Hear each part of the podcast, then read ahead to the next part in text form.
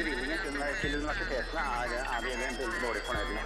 Og hvis du ser på hva vi tar no more of lives. Ja, det, den saken eh, tapte vi i Soria Moria-forhandlingene. Det var aldri Men hvorfor tapte dere når alle er enige om det? Eh, Nei, det var ikke så stor enighet som eh, det kunne Jeg tror vi møter den tradisjonelle brytningen mellom individets frihet og samfunnets ønske om beskyttelse. Lokalt, nasjonalt, internasjonalt. Nyhetsdialog går i dybden. Debatten fortsetter om fossilnæringens påvirkning på norsk forskning. Natur og Ungdom kritiserer. Det er ikke den forskninga vi trenger for å komme oss til nullutslippssamfunnet. De sørger for at vi bruker de smarteste hodene våre på feil måte. Vi får besøk av dekan ved Det matematiske og naturvitenskapelige fakultet på Universitetet i Oslo, Morten Dæhl, som skal fordele midlene de får av oljegiganten Statoil. Studentenes opplevde studiekvalitet rundt om i vårt langstrakte land lanseres mandag på nettportal studiebarometeret.no. Og Nyhetsfredag har møtt en norsk student fra Ukraina som har familie i nærheten av det opprørspregede Kiev. Da politiet banket opp noen studenter og sånn, som demonstrerte ute, det var i november. Også nå for en ti dager siden, sånt, da er første to som døde. Så det er bedre enn å være fredelige demonstrasjoner.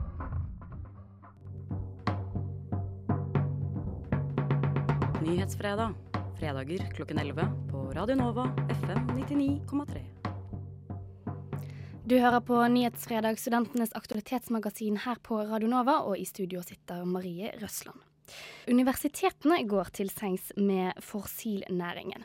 Det roper Natur og Ungdom feil, sier dekan ved Det matematiske og naturvitenskapelige fakultet. Mer om debatten om samarbeid mellom universitetene og Statoil senere i sendingen. Men først skal du få ukens viktigste studentnyheter. Nyhetsfredag gir deg ukas viktigste studentnyheter. I fjor ble over 130 studenter ved landets største utdanningsinstitusjoner tatt for juks. Flest var tatt ved Universitetet i Oslo. Her ble 39 studenter utvist for juks. Det melder Universitas denne veka. Ifølge studentkonsulent Erlend Brunken ved UiO har enkelte av studentene manglende forståing for hva som er korrekt siteringspraksis. På Høgskolen i Oslo og Akershus behandla klagenemnda i fjor 36 juksesaker. Ifølge nettavisa Krono brukte høgskolen 200 000 kroner på advokathjelp til studenter som er tatt i fusk. Utgiftene er femdobla fra året før. Høgskolen i Oslo og Akershus ønsker å flytte hele studiestaden Kjeller til Lillestrøm. Dette uten å involvere studentene. Dette ble klart etter at rektor Kari Toverund Jensen på et seminar ved stortingsrepresentantene fra Oslo og Akershus uttaler ønske. Dette kom som en overrasking for studentparlamentet på høgskolen. Vel, det var jo i slutten av forrige uke at jeg skrudde på PC-en min på jobb som vanlig, og som vanlig gikk inn på Krono sine nettsider, og ble litt overraska da jeg så at eh, studiested Kjeller plutselig skulle flytte til Lillestrøm, uten at jeg hadde hørt noen ting om det. Da begynte jeg å høre litt rundt, og noen andre hadde hørt noe om dette her blant studentpolitikerne, og det var det ingen som hadde gjort. Så da ble jeg rett og slett bare litt overrasket. Der hørte du leder i studentparlamentet, Eline Støland. Akademikerforlag kutter sju stillinger i Oslo. Dette som et resultat av omorganisering der mye av arbeidet blir flytta til Trondheim. Dette skjer òg ifølge Akademikas fungerende administrerende direktør Kirsti Hansen etter en vurdering av de økonomiske resultatene de siste åra. Dette var ukas viktigste studentnyhende. Jeg heter Eirin Nilsen Vikørn.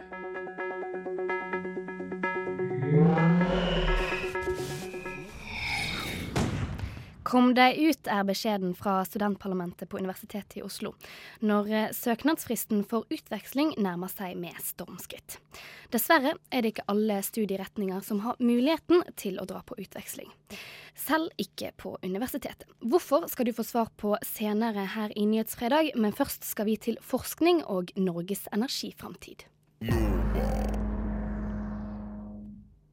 Universitetene de går til sengs med fossilnæringen. Det sier Natur og Ungdom. Nyhetsfredag har møtt en fersk leder av Natur og Ungdom på et litt utypisk sted for en fossilhater. Det er fordi at eh, Statoil får slippe til på universitetene våre. Får uh, gi masse penger til universitetene for at de skal forske på oljerelatert forskning.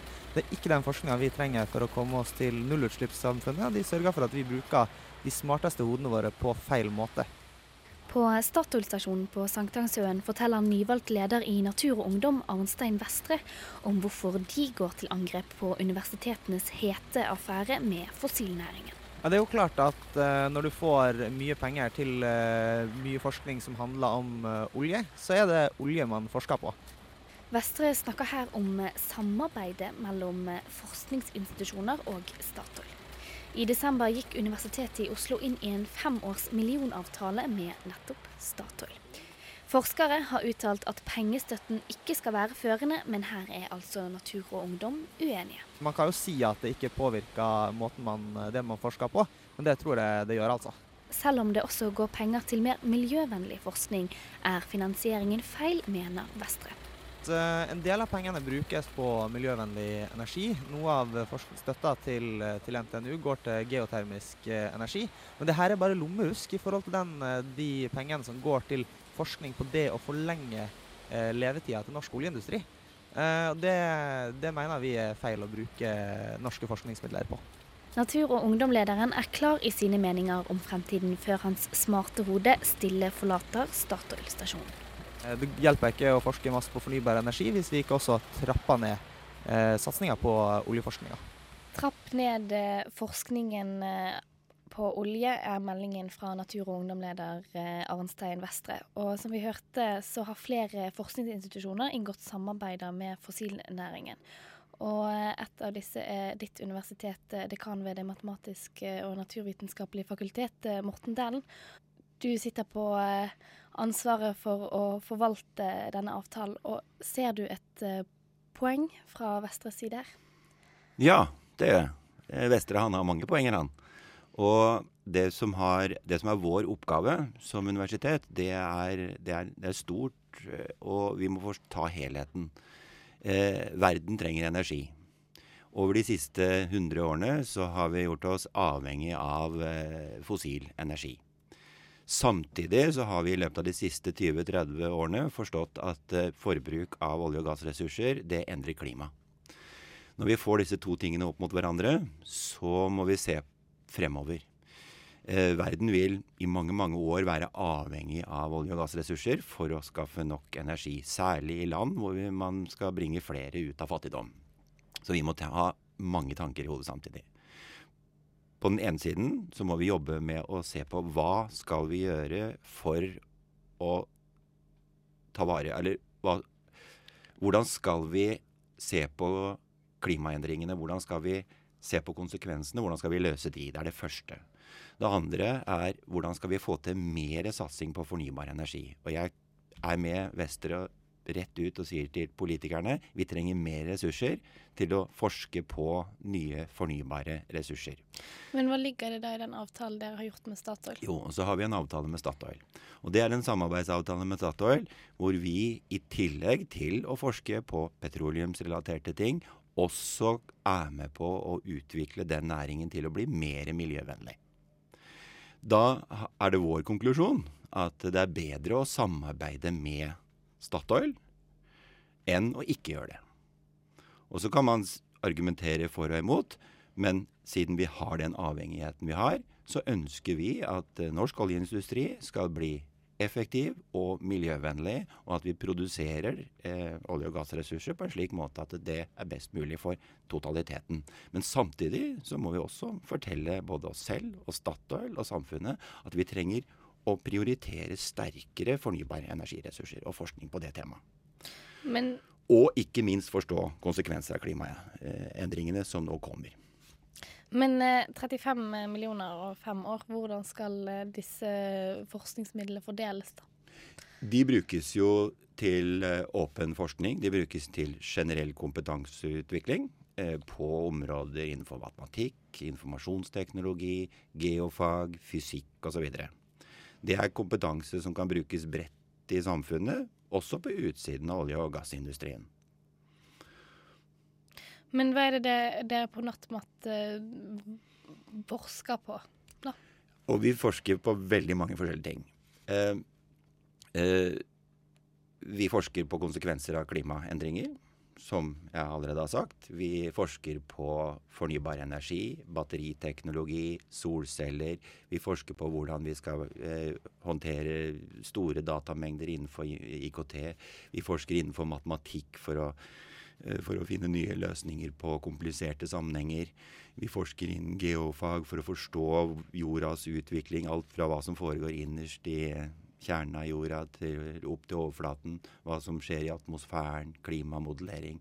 Vi har et bredt spekter av forskningstemaer på det fakultetet som jeg leder. Hvor stor andel av dette går til forskning på fornybar energi? De har jeg ikke eksakte tall på. Eh, Foreløpig for lite. Men hva skal til for at dere skal kunne forske mer på det, da? Det som skal til, det er at eh, myndighetene verden over bruker mer ressurser inn i forskningsprogrammer for å støtte forskning på fornybar energi. F.eks. utvikling av solceller, vindkraft, batteriteknologi. Den type teknologi som gjør at vi kan lagre eh, fornybare ressurser og bruke dem f.eks. til transport eller oppvarming av hus osv. At vi flytter eh, forbruket bort fra petroleumsressurser til fornybare ressurser. Og det handler om produksjon av energi, hvordan energi distribueres ut til folk som brukere, og hus og andre, og hvordan vi til syvende og sist eh, får til effektiv bruk. Så jeg ønsker meg en kampanje og samarbeid med Natur og Ungdom og andre for å få til et, et skikkelig tungt og sterkt program innenfor forskning og utdanning på fornybar energi. Det er for svakt. Vi gjør så mye vi kan innenfor våre eh, budsjetter, men det er for lite i forhold til hva verden trenger. Men hvorfor går dere da inn i en avtale med Statoil? Det er, som jeg sa i stad, det er for å, fordi det er et eh, fruktbart samarbeid. Eh, Det bidrar til å gjøre Statoil mer effektive og mer miljøvennlig i deres produksjon av olje og gass, så- som verden er avhengig av. Men fra Natur og Ungdoms side så skulle det vært, helst vært unngått. Kunne dere latt være? Ja, vi kunne hatt latt være, men eh, vi mener jo at det er ikke klokt å la være.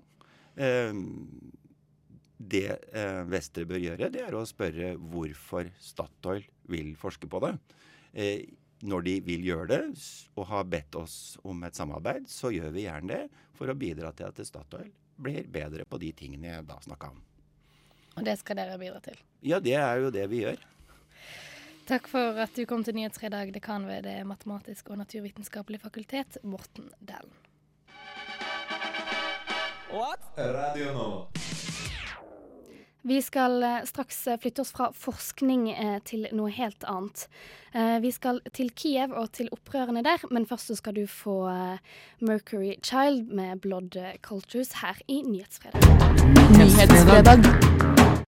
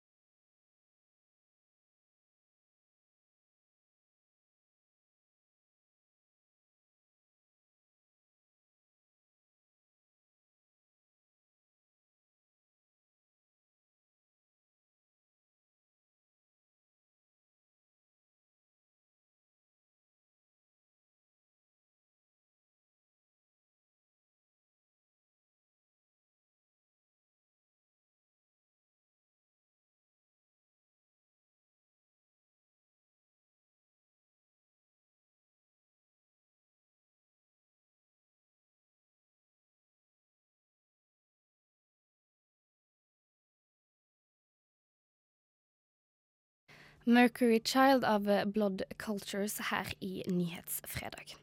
Mens eh, nordmenn har feiret både jul og nyttår og kjempet eh, av seg ribbefettet, så har eh, flere ukrainere eh, slått i en helt annen kamp.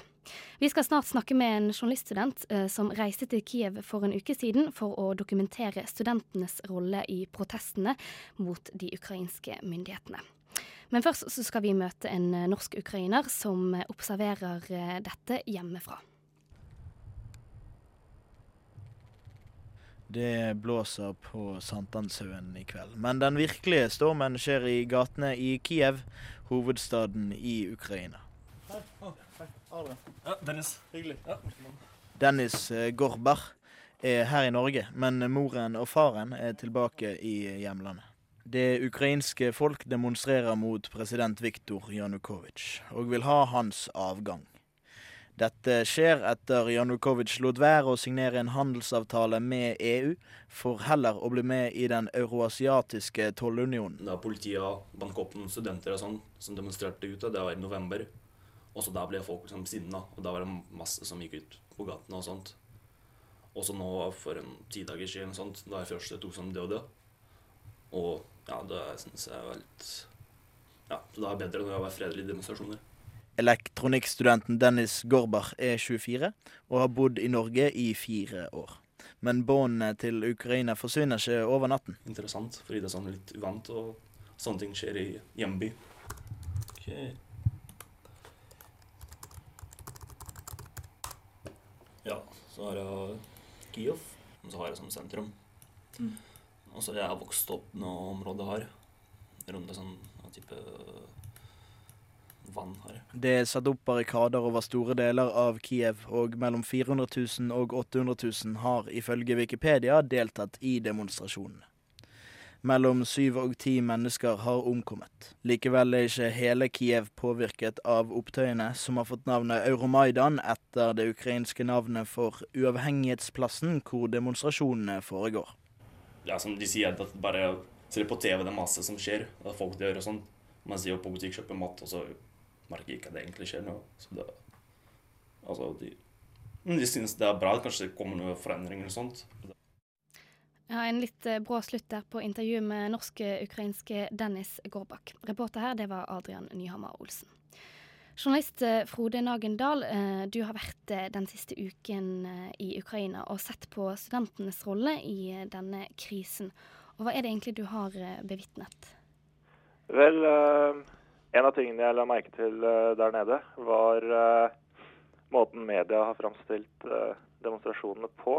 det har blitt lagt veldig mye fokus på det voldelige aspektet av demonstrasjonene, men i all hovedsak så er demonstrasjonene fredelige. Du føler deg veldig trygg der nede. Med mindre du oppsøker fare, så er det helt trygt å være der. Følte nå jeg, i hvert fall. Men flere har jo blitt drept Eh, eller omkommet i sammenstøt eh, med politiet, senest en 25 eh, år gammel mann denne uken. Er det, er det bare oppspinn fra mediene? Nei, det er jo selvfølgelig ikke det. Det har jo vært store voldelige sammenstøt. Det var det også mens jeg var der. Det skjer for det meste om natten. Um, og demonstrantene okkuperer jo diverse bygninger rundt uh, i sentrum. Um, og det går selvfølgelig ikke helt fredelig for seg. Uh, så det er absolutt et uh, voldelig aspekt der. Men jeg syns det var mer fascinerende å bevitne hvor godt organisert demonstrantene var. Og, og, og, den fredelige delen av det, da, siden det allerede har vært så mye fokus på det voldelige, så valgte vi heller å fokusere litt mer på det, de fredelige demonstrasjonene. For det er også en stor del av det. Men hvem er det som demonstrerer? Uh, hvem er det som er så godt organisert, da? Uh, nei, det begynte jo med studentene for uh, to måneder siden. Uh, nå så finner du folk fra, i alle aldre og fra alle sosiale lag. Um, men det er fortsatt hovedsakelig så er det jo unge mennesker. Unge mennesker som ikke har noe forhold til Sovjetunionen og fortiden, som ser mot Europa. Um, de, mange av de eldre har eh, sterkere bånd østover til uh, Russland. Så, Og spesielt i Kiev, som ligger såpass langt vest i landet, så er de hovedsakelig mer pro eh, vestlige, pro Europa. Mens i den østlige delen av Ukraina så har det fortsatt stor støtte for eh, både Janukovitsj og det å opprettholde tette bånd til, eh, til Russland. Men hvorfor er det da studentene som startet opp dette, som du sier? Nei, Det er et vanskelig spørsmål, eh, egentlig. Men eh, så vidt jeg har skjønt det, så er de Altså, en av, de demonstrerte pga. En, en frihandelsavtale med EU som presidenten i landet nektet å underskrive. Og I stedet så undertegnet han da to, eller noen uker senere en eh, avtale med Russland om eh, kjøp av billig gass og lån. Eh, og denne avtalen med EU hadde jo vært forhandla om gjennom flere år. Og når den ble, bare ble skrota, så var studentene misfornøyd med det og demonstrerte. I slutten av november så ble en fredelig demonstrasjon på Maidanplassen brutt opp av politi som brukte vold. 79 personer ble skadet. Og det var da det blusset opp ordentlig. Um, og Grunnen til at studentene gjorde det, det har vel uh, mye å gjøre med at de er unge, ambisiøse. Um, og som sagt at de ville veldig gjerne ha den, eh, de tettere båndene med Europa. Denne uken så har det da vært eh, en, god del endringer, da. Eh, For det første så har denne loven som ja, bokstavelig talt uh, gjorde demonstrasjon eh, ulovlig, uh, blitt fjernet, uh, samt at president har trukket seg. Men demonstrantene de, de fortsetter, og så sier de at dette ikke er over ennå. Er det begynnelsen på slutten du har sett, eller er det fortsatt en pågående krise, da, for å bruke deres ord? Ja, Da må jeg korrigere deg litt der, fordi det er ikke presidenten som har trukket seg. Det er han det mennesket vil skal trekke seg. Det er statsminister Mykola Azarov. Da beklager jeg. Helt i orden. Eh, målet med demonstrantene, for demonstrantene er jo i første omgang å få fjernet president Janukovitsj. Eh, men eh, som, eh, som en slags kompromiss eh, så, eh, så har han da eh, fjernet denne demonstrasjonsloven og gitt amnesti til eh, en del demonstranter som har, eh, som har blitt pågrepet. Og i eh, Men fjerningen av denne loven, da, eh, det, gjør det at det er tryggere å være der? Ja, eh, akkurat det skjedde jo etter at eh, vi dro hjem. Men det, feiret, det var veldig mye feiring i gatene, og det var en stor seier for demonstrantene. Det var et steg i riktig retning for dem, absolutt. Men det er fortsatt mye som kan skje der nede. Situasjonen endrer seg veldig fort. og det, mm, jeg tror ikke Janukovitsj vil gi fra seg makten med det første. Da, da skal det nok mer til. Han vil nok prøve alle andre løsninger før han eh, går selv. Men eh, disse studentene som du møtte, hvordan er det de ser sin, eh, for seg sin fremtid? Hvordan de ser for seg fremtiden? Mm. Uh, nei, de ser for seg at de må begynne helt på nytt. Du hadde jo en revolusjon i Ukraina i 2004, oransjerevolusjonen, som foregikk fredelig. På den tiden uh, så fikk man bytta ut eh, bytta ut de som eh, styrte, eh, men man gjorde ikke noe med det politiske systemet. Og det er dette eh, man har innsett nå at man må gjøre. Hvis man får fjernet Janukovitsj, så må man begynne på nytt. Man må man må endre lover, man må gi mer makt til parlamentet. Presidenten i landet har store utvidede fullmakter. Han kan bl.a. utnevne statsminister på egen hånd. Um, og ja eh, Det er mye som må gjøres. Ukraina per i dag er ikke en rettsstat. Og det, det har de lyst til å gjøre noe med hvis de får fjernet Janukovitsj. Ja, da må jeg si takk til deg, Frode Nageldal. Og så er det da riktig da at eh, Viktor Janukovitsj fortsatt sitter med makten, og at det er, de, eh, det han eh, demonstrantene vil fjerne.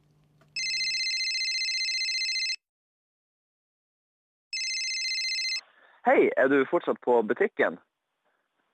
Kult, kan du kjøpe brød? Og kan du høre det temabaserte underholdningsprogrammet Skallebank hver fredag klokka 12.30 på Radio Nova? Takk. Skallebank hører du altså om en times tid her på Radio Nova, men nå er det Nyhetsfredag du hører på. Vi har vært i Kiev, og vi skal snart på utveksling. Å påvirke dem som måtte sitte på penger som han ønsker å få. What has happened? Men det som vi vil hevde Radio Novas aktualitetsmagasin. Popular Part 1 synger uh, Dewey Sinatra her i Nyhetsfredag på Radio Nova. Og vi skal over til eh, noe annet eh, populært, eh, eller eh, i hvert fall et ønske om å være populært. Utveksling kom de ut, eh, roper internasjonalt ansvarlig i studentparlamentet på Universitetet i Oslo, Martin Uleberg. Og Martin, hvorfor skal studenter dra på utveksling? Vel, altså Det fins utrolig mange grunner, og jeg tror nesten alle har en personlig grunn som er ganske spesiell for å dra ut. Men det fins mange gode fagmiljøer som ikke UiO er i nærheten av å matche rundt omkring på utvekslingsavtaler. Samtidig så får du et svært nettverk, du møter masse mennesker. altså Jeg har en kompis som dro på Budafest, men ikke at jeg skal oppmuntre til det. Men Men eh, hvorfor er det så viktig at Hvorfor fronter dere i studentparlamentet at eh, man skal dra på utveksling, da? Altså Personlig så har jeg bodd ute i tre år allerede, og mm, det ga meg et helt annet erfaringsgrunnlag enn det jeg hadde. Jeg fikk et mye bredere perspektiv på ting. Du forstår folk bedre. Du forstår hvorfor franskmenn, franske kelnere er så gretne som de er, osv. Altså det, du, får, du får et helt annet erfaringsgrunnlag. Men er dette gjeldende for alle studieretninger? Ja, det vil jeg påstå. Altså alle, alle studier har godt av å oppleve, oppleve andre lands problematikker, prøve å forstå hvordan de fungerer. Men er det mulig å gjennomføre på alle studiesteder i, på universitetet spesielt? da? Nei, det, det er jo det som er problemet. da. At det er ganske mange studieretninger som ikke legger til, tilstrekkelig til rette for å kunne dra ut. Og da, nå har jeg vært mye rundt på fakultetene i forbindelse med den kampanjen der, og det har kommet opp et par eksempler som ikke er bra i det hele tatt. Som hva da? Altså, Jeg kan nevne fysikk, eh, men da særlig farmasi, hvor flere av de studentene jeg har snakket med, sier nei, jeg kan ikke. Og eh, da har med oss på telefon så har vi eh, Henrik Schultz, instituttleder eh, ved Farmasøytisk institutt. Og hvorfor er det, som Uleberg eh, påstår her, eh, nærmest umulig å eh, ta utveksling da, ved ditt institutt? Uh, la meg først si at jeg er enig i kommentaren om at man har veldig bra av å komme ut. Uh, jeg bruker å si internt at vi har for mye innavl, forstått i den forstand at vi har altfor mye her internt på UiO og kommer for lite ut. Det der er vårt problem, det er at vi er et profesjonsstudium. Og som sådan der har vi et EU-direktiv som sier hva vi skal lære i løpet av de fem år vi er her. Blant annet skal vi ut, eller våre studenter skal ut seks måneder i praktikk på et apotek. Uh, og det setter noen rammer i forhold til laboratorieøvelser med mer som gjør det nokså vanskelig å komme ut. Uh, de uddannelser der er ute i Europa er litt forskjellige, og noen steder er de faktisk ikke i henhold til EU-direktivet, fordi man har et stort industriland. Man trenger ikke gå lenger enn til Danmark, hvor man har en industrifarmasøytutdannelse som faktisk ikke oppfyller EUs direktivkrav, og dermed ikke kan jobbe på apotek. Mens her i Norge der er 70-80% av dem vi utdanner, de går ut i apoteks- og sykehusapoteksverdenen. Og da er vi nødt til å følge direktivet. Men er det ingen utvekslingsmuligheter da, eh, ved ditt institutt? Jo, det er, men det blir krevende, og ofte betyr det at studenten må bruke et ekstra studieår. Og det er der nok de største problemene kommer inn, at det blir rent økonomisk. Hvordan skal man greie å finansiere det der? Men er det studenter som likevel ønsker å dra på utveksling? Vi har enkelte der er ute, og vi har ikke minst når det gjelder våre masteroppgaver, så har vi for tid til annen folk der er ute. Og der er det en mulighet. Og det er en masteroppgave på 45 poeng, altså tre kvart år. Og da har vi hatt folk både i Danmark og Portugal og England og, og rundt om forbi. Men eh, er, altså, er det et eh, ønske fra studentene om at det skal være mer mulighet eh, til å dra på utveksling? Uh, det er litt forskjellig. Det er selvfølgelig noen som gjerne vil ut. Uh, men uh, samtidig, når man går inn i studiet her, så har man nok en viss forståelse at det her er et veldig skemalagt studie. Men altså, kan det endres, da? Disse begren altså, dette som setter begrensninger? Vi hadde faktisk en gjennomgang i programrådet her i høst for å se hvor mye av vår obligatoriske undervisning er egentlig krevet som under, obligatorisk undervisning. Og Vi reviderer det litt, så vi senket det litt. Grann. Men det vi har tilbake nå, det er obligatorisk undervisning, og det må de ha på et eller annet tidspunkt. Men Martin, hvordan skal dere i studentparlamentet da oppfordre da, folk til å dra på utveksling? Altså, Jeg vil bare gjøre instituttleder oppmerksom på en avtale som geologi, astro, astrologi og, og, nå husker jeg ikke det siste har på matta at de har en egen utviklingsavtale med Svalbard som er ferdig utvikla.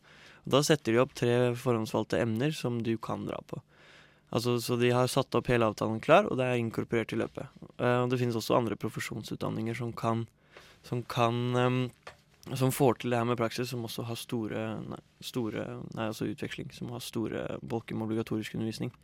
Så altså det, burde, det, burde, la seg gjøre på et eller annet vis. Dessverre så gjør det ikke det. Jeg har snakket med ganske mange farmasauter, sånn 15-16, som alle sier nei, jeg skulle gjerne gjort det, men jeg kan ikke. Så Schultz, hva sier du til dette?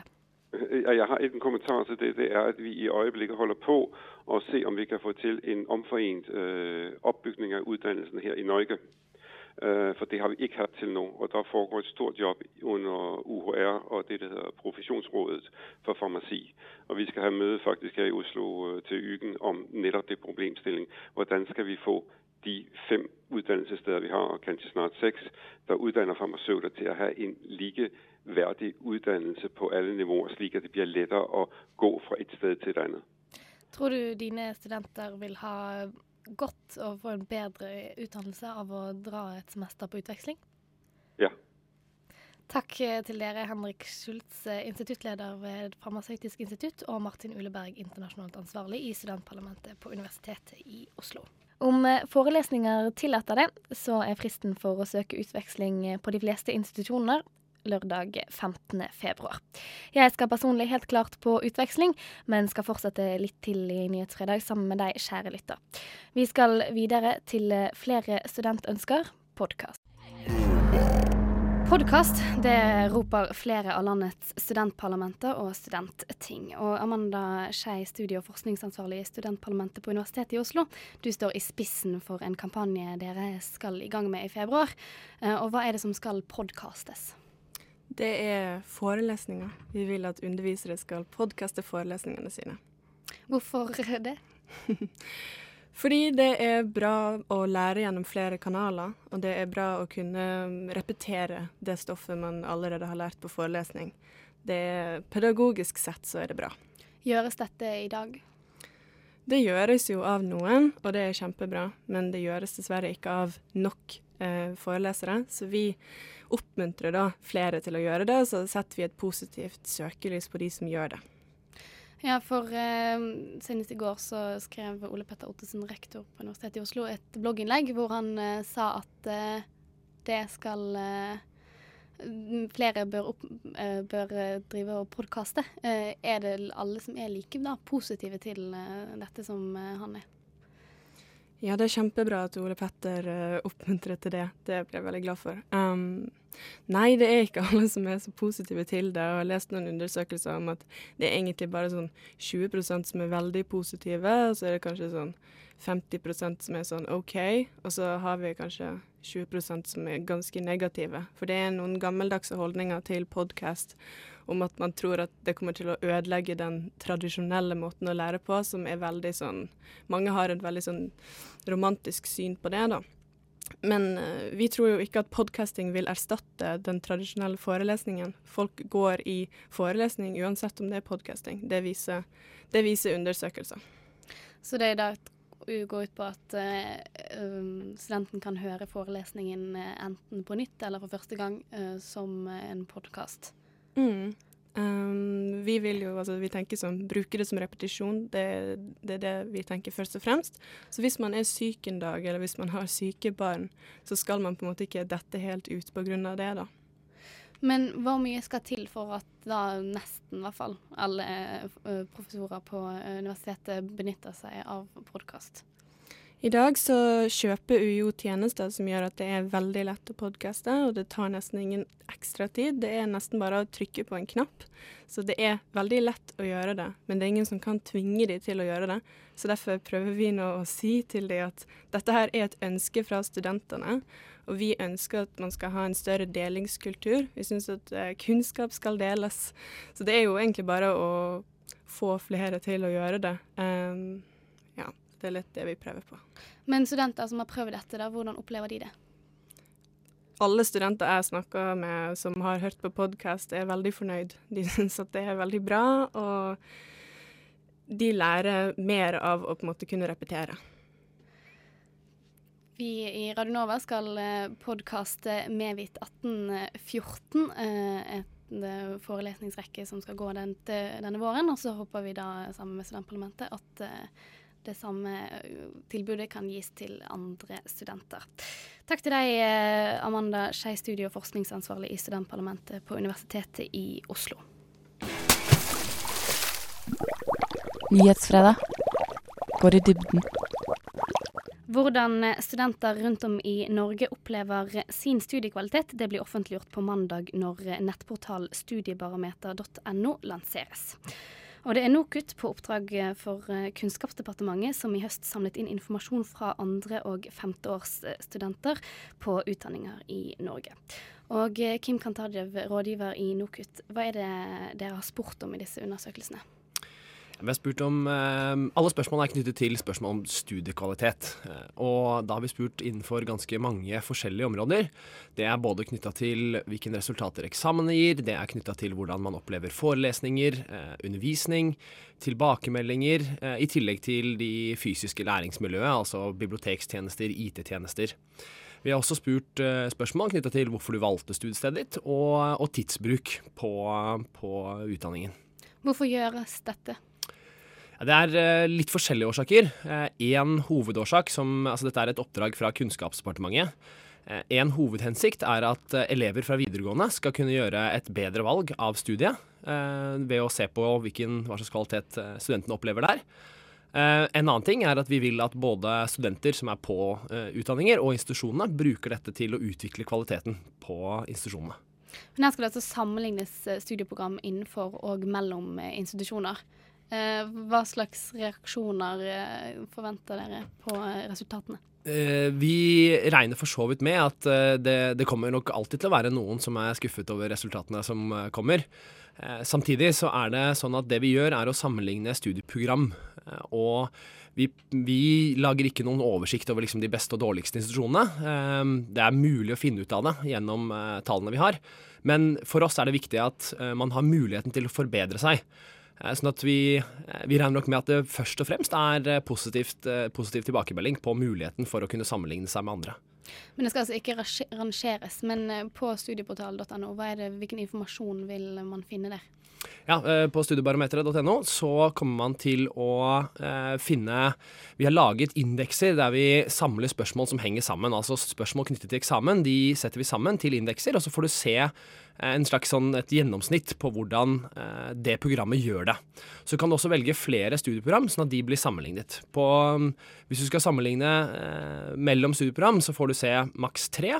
Og så kan du få se gjennomsnittet for den type studieprogram også. Eh, Så du har muligheten både til å sammenligne spesifikke studieprogram, men også mot gjennomsnittet. Du nevnte videregående elever, men hvem andre kan eller bør benytte seg av eh, eh, studiebarometeret? Jeg syns jo alle, alle studenter som er opptatt av eh, kvaliteten på utdanningen sin, bør bruke det. Og de bør, eh, de bør bruke det aktivt til å se på eh, hvilke ting som studentene ikke er fornøyd med. Det burde institusjonene også gjøre. Og så se om det er grunn til å forbedre det. Dette er ikke noe endelig fasit på hvordan kvaliteten er på utdanningene, men det er en god indikasjon på hvor man kan ha utfordringer. Har dere noe anelse om hvordan Kunnskapsdepartementet vil bruke dette? Eh, De kommer vel til å bruke det på samme måte som eh, institusjonene kan gjøre det, ved å bruke det til å kartlegge hvor man har styrker og svakheter. De kommer nok til å være mer opptatt av det nasjonale nivået, altså der man aggregerer tall på, på litt høyere nivå. Eh, Vi har jo sett, eh, det kommer jo i Dagens Næringsliv nå, så så vi jo at en ting som kommer fram, er at det er spesielt knytta til tilbakemeldinger og oppfølging at man har store utfordringer. Eh, Sånn at de kommer nok til å bruke det i, eh, på sånn overordnet nivå, eh, men, men neppe noe mer enn det. Men dette er det gjort, gjort nå i høst for første gang. Vil det bli gjort jevnlig? Ja, planen er at dette skal gjennomføres hvert år, i hvert fall fem år fram i tid. Sånn at man får både muligheten til å vise forbedringer, men selvfølgelig også fordi vi ønsker at det skal være, hvis man setter inn tiltak, så skal det være mulig å se resultatene av de tiltakene. Eh, Og for de studiene som ikke har kommet med nå fordi de har lav svarprosent eller veldig få studenter, så planlegger vi eh, å aggregere opp tall over flere år, sånn at de også etter hvert kommer med. Men eh, har dere noe tall på hvor mange studenter som har besvart svar på denne undersøkelsen? Det har vi. Vi sendte ut undersøkelsen til 55 000 studenter. Og så har vi en svarprosent på ca. en tredjedel, 32% Så vi har fått 17 000 svar. Så det er ganske stort materiale som vi eh, sitter nå og rydder i, eh, i rett før lansering. Er det stort avvik i hvem som, eh, eh, hvem som svarer og ikke? Med tanke på institusjoner og Ja, vi ser ganske store Noen, eh, noen har jo tilnærmet nordkoreanske tilstander og er oppe i 90, eh, 90% mens den laveste svarprosenten er nede i 18 um, Og det gjør jo at de institusjonene med, med liten oppslutning, der er det også flere studier som da selvfølgelig ikke er med i portalen. De blir synlige i portalen, men, men vi får ikke vise noen tall fra dem. Resultatene er altså klare mandag 3. februar. Takk til deg, eh, Kim Kantajev, rådgiver i NOKUT. Radio Nova FM 99,3 og radionova.no. Hver uke her i Nyhetsfredag så gir vår eh, eminente redaktør deg sine meninger. I dag så støtter han en underdog i fredspriskampen.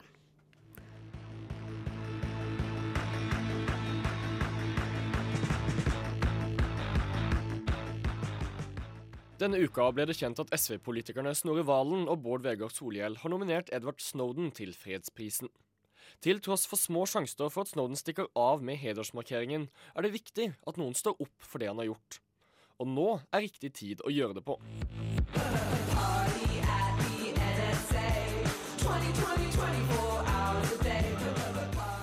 Edward Snowden er tidligere utplassert i National Security Agency og kjent for å ta med seg tusenvis av dokumenter og mangfoldig terabyte med data fra overvåkningsorganisasjonen. Etterfølgende av dette har ikke bare satt hans eget liv i fare, men startet en verdensomfattende debatt om overvåkning av land, selskaper og individer. Flere søramerikanske land, deriblant Brasil, har truet med å avslutte alt samarbeid med USA, og Brasil ønsker nå å fjerne seg fra internettnettverket hele verden er koblet på, for å på den måten unngå overvåkning. Tyskland, som er sett på en av USAs viktigste allierte, har kokt i sinne over avsløringene om at Angela Merkels telefoner har blitt overvåket. Hvorfor skal man overvåke sine nærmeste, er et spørsmål flere har stilt seg i kjølvannet av skandalene. For det er mange skandaler. I ukene etter de første avsløringene kom det frem at flere land overvåker selskaper og organisasjoner, sine naboer og sine egne borgere i større eller mindre grad. På anklagene om fiendtliggjøring av sitt eget folk er svaret alltid det samme nasjonal sikkerhet. Men det er vanskelig å se hvordan det å overvåke min Facebook- og Gmail-konto hindrer terrorisme. I sin begrunnelse skriver Solhjell og Valen den offentlige debatten og de politiske endringer som har fulgt i kjølvannet av Snowdens varslinger, har bidratt til en mer stabil og fredelig verdensorden. Hans handlinger har gjeninnført tillit og åpenhet som ledende prinsipper i sikkerhetspolitikken. Disse verdiene kan ikke overvurderes.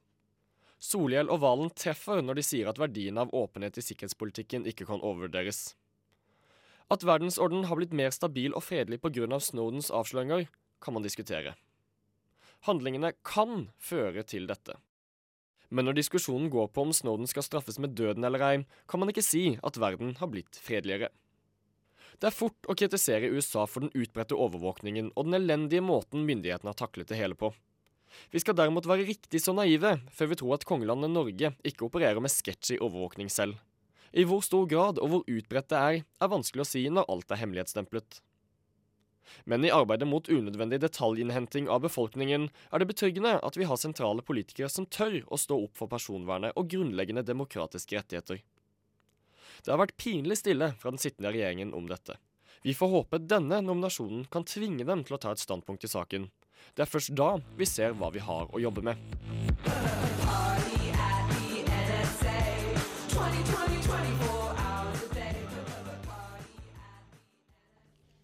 Det var vår redaktør Erlend Buflaten som eh, ikke tror det blir fest på NSA om Edward Snowden vinner årets fredspris. Denne og flere ledere kan du lese igjen på våre nettsider radionova.no. Med det så er Nyhetsfredag ferdig for denne gang, men mer fra Studentnyhetene det får du allerede onsdag klokken 17.30 i debattprogrammet Emneknaggen her på Radio Nova. Alle sendinger og mer til det finner du på podkast i Soundcloud. Og bidragsytere til denne sendingen det har vært Helge Switters, Adrian Jarma Olsen og Eirin Vikøren. Tekniker og Supermann heter Anders Tviberg. Mitt navn er Marie Røsland. Neste uke så får vi i Studentnyhetene nye journalister, og dem bør håper vi du tar godt imot. Til slutt så skal du få høre sangen du så vidt hørte litt av tidligere. For mens vi i Radio Nova skal feire våre nye medlemmer i helgen, så er det alltid Party at the NSA.